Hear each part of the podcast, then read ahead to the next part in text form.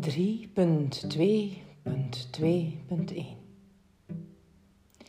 Tussen de Keizerinnendreef en het Koninklijk Museum. Nooit ben ik iemand tegengekomen die ook zulke rare dromen had, waarin alleen maar lijnen voorkomen. En nadat ik het geheimpje had herontdekt, droomde ik ook nooit meer zoiets raars. Mogelijk werden de dromen getriggerd na een schok ten gevolge van een bizarre ontmoeting in het park van Tervuren. Mijn moeder woonde toen nog in die kleine gemeente aan de rand van het Brusselse Zoniumwoud. In een groot herenhuis aan de Brusselse Steenweg midden in het centrum. In het weekend kwam ze haar kinderen in het pensionaat en van zaterdagnamiddag tot zaterdagavond bleven we bij haar. Tijdens de schoolvakanties reed ze ons naar haar ouders. Later, om reden dat mijn broer en ik steeds meer ruzie maakten naarmate we ouder werden, verdroeg onze grootmoeder ons niet meer samen en moest een van ons in Tervuren bij mama blijven. De andere werd dan op de trein naar Galmaarde gezet en reisde alleen naar het dorp in de Vlaamse Ardennen. Ik moest mijn grootmoeder in de kerstvakantie altijd helpen met haar verdomde kerstfeest. En mijn broer kon in de paasvakantie eitjes rapen tussen de krokussen. Kerst voorbereiden vond ik een hatelijke bezigheid. Dat weet ik heel zeker. Mijn grootmoeder had altijd stress om de samenkomst van haar kinderen, kleinkinderen en schoondochters en vloog vaak naar me uit, terwijl ze anders lief was. Mijn grootmoeder hield zich wel toegewijd met ons bezig. Ze leerde ons vooral veel klusjes doen, die ik onnozelweg graag voor haar deed. Die keer was het paasvakantie en terwijl mijn broer in de grote tuin naar paaseieren zocht en mama haar patiënten verzorgde, hield ik me met mezelf bezig. Ik ging graag uit in het park van Tervuren. En op die doordeweekse dag had ik besloten via het park naar meneer Marcel te lopen. Het park is groot, maar ik weet nog goed waar ik geconfronteerd werd met een jonge man die me dwong naar zijn stijf lid te kijken. Van de Brusselse Steenweg was ik via de kerk naar beneden langs de vijvers en dan links door het park gelopen om via het museum achter de witte olifant te komen. Achter dat gigantische beeld dat aan de straatkant voor de ingang van het koloniaal museum staat, woonde meneer Marcel. Hij was een vriend van mijn moeder, maar hij was ook mijn dikke beste vriend. Op een heuveltje in de straat achter de olifant hield hij een restaurant en in de zomer ook een camping open. Het museum en het park waren in die tijd niet toeristisch, vrij verlaten zelfs. In het museum zag ik enkel opgezette dieren, nooit een mens. Op vermoeide poten gaapten de wilde beesten dwaas vanuit de vitrinekasten. Alles lag onder het stof. Het bloeddorstige koloniale verleden kreeg in de jaren zeventig weinig aandacht. In het duffe en pafferige museum pronkte de dood overal, uit pure verveling. Uit alle gestolen voorwerpen stonk de dood. De huid van de opgezette olifant viel uit elkaar en vertoonde scheurtjes. Aan zijn romp hingen losse vellen. In de keizerlijke tuinen groeide weelderig bamboe, maar alles werd altijd netjes onderhouden. Soms speelden mijn broer en ik huisje in de bamboestruiken en we, en we voelden ons thuis in onze hut. Voorbij de stenen herten was er die dag niemand te zien. Buiten een lawaaierige grasmaaier verderop was er geen beweging in dat deel van het park. Een tuinman liep over zijn lawaaiige bogen en concentreerde zich op het gras. Links onderaan de trappen, bijna aan het museumgebouw waar je de straat al zag, merkte ik dat een jongen achter mij was verdorie de jongen waar mijn buurmeisje Anne de Batseleer verliefd op was. Die daar, had ze aangewezen toen we door haar raam ongestoord naar een groepje slome jongens hadden gekeken. Op die gast ben ik verliefd. En ze had gewezen op een jongen die in het groepje pubers aan de overkant stond. Die daar had luid in koor meegelachen fantastische, met de fantastische grappen die zulke pubers maken. Hij is al zestien, had ze gezegd. Zij was misschien veertien en ik moet een meisje van negen hooguit tien zijn geweest. Ik was zo oud als een kind dat een knuffel meedraagt aan haar handje. Want toen ik die daar in het park zag, trok ik aan het dikke zachte konijn van mijn broer dat ik had meegenomen. Aan mijn konijn had ik een hekel. Ik voelde helemaal niets voor mijn konijn. Het was mager en het zag er ziekelijk uit.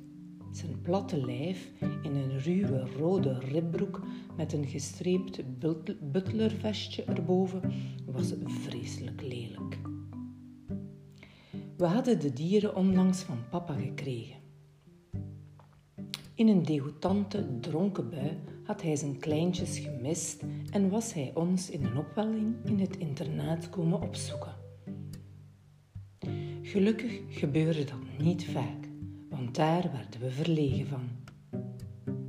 Vader had ook altijd een andere vrouw op zak, naast zijn fles. Af en toe was ook Stafke erbij, die hem bracht. Alle vrouwen overhandigden ons altijd zakken vol snoep, wat we anders nooit kregen. Soms hadden ze ook geschenkjes bij, zoals de twee konijnen. Mijn, mijn broer gaf niet om zijn konijn. Hij had het niet eens meegenomen naar Galmaarde. Dat die daar me nu op de hielen zat, vond ik heel raar. Hey, hey, riep hij toen hij doorhad dat ik het doorhad dat hij me volgde. Eerst keek ik niet op of om en liep steeds sneller. Ik deed alsof ik niets gehoord had. Hey, riep hij weer. Hoe heet je? Het stomme feit dat ik beleefd was opgevoed maakte dat ik stopte. Beleefd zijn was erin gedrild. Het was een drang die nog sterker was dan angst, in gelijk welke situatie. Als iemand me aansprak, me iets vroeg, moest ik wel levend zijn en antwoorden. Ik draaide me dus om en antwoordde Karin. Heel even bleef ik staan, maar ik voelde natuurlijk nottigheid. Ik stak dus snel wat extra kracht op mijn kleine kuitjes en liep door. Karin, Karin, riep hij toen hard en enthousiast. Dat was erg verwarrend. En weer draaide ik me om. Hij wachtte gespannen af tot ik me helemaal naar hem toe had gedraaid en hij zei toen Kijk eens, Karin. En kleine Karin keek recht in de ogen van een immense glanzende peniskop. Ik schrok enorm, zo groot dat zijn spel was, alsof het niet bij hem hoorde. Ik kneep hard in het malse konijn van mijn broer, sloot mijn ogen en wenste dat het niet waar was, of dat hij weg zou zijn als het wel waarachtig was. Karin, kijk, Karin, hoorde ik opnieuw.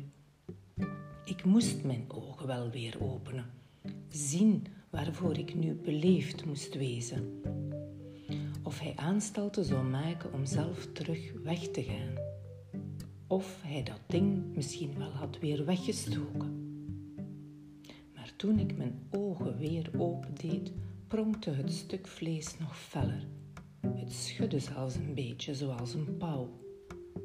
Ik schudde. Niet als een ontvankelijk wijfje, maar uit pure schrik.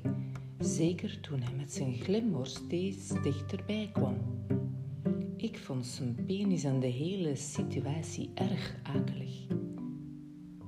Bedacht ik dat de witte olifant met daarachter het restaurant van meneer Marcel niet ver weg meer was. Ik trok hard aan het armpje van het konijn en samen zetten we het op een lopen. Gelukkig lopen konijnen snel. Misschien had dit voorval mijn onbewuste ingang, mijn onbewuste in gang gezet en begon ik toen over lijnen te dromen. Misschien stimuleerde het sidderend geslag van die snotaap het geheim uit mijn onderbewuste. Of misschien was het een combinatie van alle lusten om mij heen. De erectie van die daar en de ongewenste aanrakingen van de non. Ook zij kon met haar misselijke vingers over mijn pijnlijke borstjes de aanzet hebben gegeven. Ik werd als kind behoorlijk lastig gevallen, wat me een voos gevoel gaf en mijn onderbewuste deed borrelen. De dromen dolven het geheimpje op. Het geheimpje was uit mij opgestaan. Daarna stopte ik met staren en begon ik stilaan klaarder te zien. Gedwongen om als kind psychoanalytisch te denken, begreep ik, zonder er met iemand over te hebben gesproken, dat wat er met mijn vader was gebeurd, dat wat hij me als klein meisje had aangeleerd, fout was. En dat het dat was wat mij zo in verwarring bracht. Toch sprak ik er met niemand over. Mama had ooit gezegd: Als uw vader foute dingen doet, dan moet je mij dat zeggen. Mijn moeder, die de kampioen was in afstand bewaren, sprak altijd over uw vader. Dat zorgde voor afstand tussen hen, maar ook tussen mij en mijn vader. Ik moet geschrokken hebben weggekeken en ze herhaalde het omdat ze wel beter wist. Hoor je dat, Karientje? zei ze. Natuurlijk had ik het gehoord en ik had ook meteen begrepen wat die foute dingen waren. Veel had ik niet nodig gehad om te begrijpen waar ze op aanstuurde. Wat zal er dan gebeuren? Vroeg ik zo onverschillig mogelijk, want eigenlijk wou ik het wel vertellen.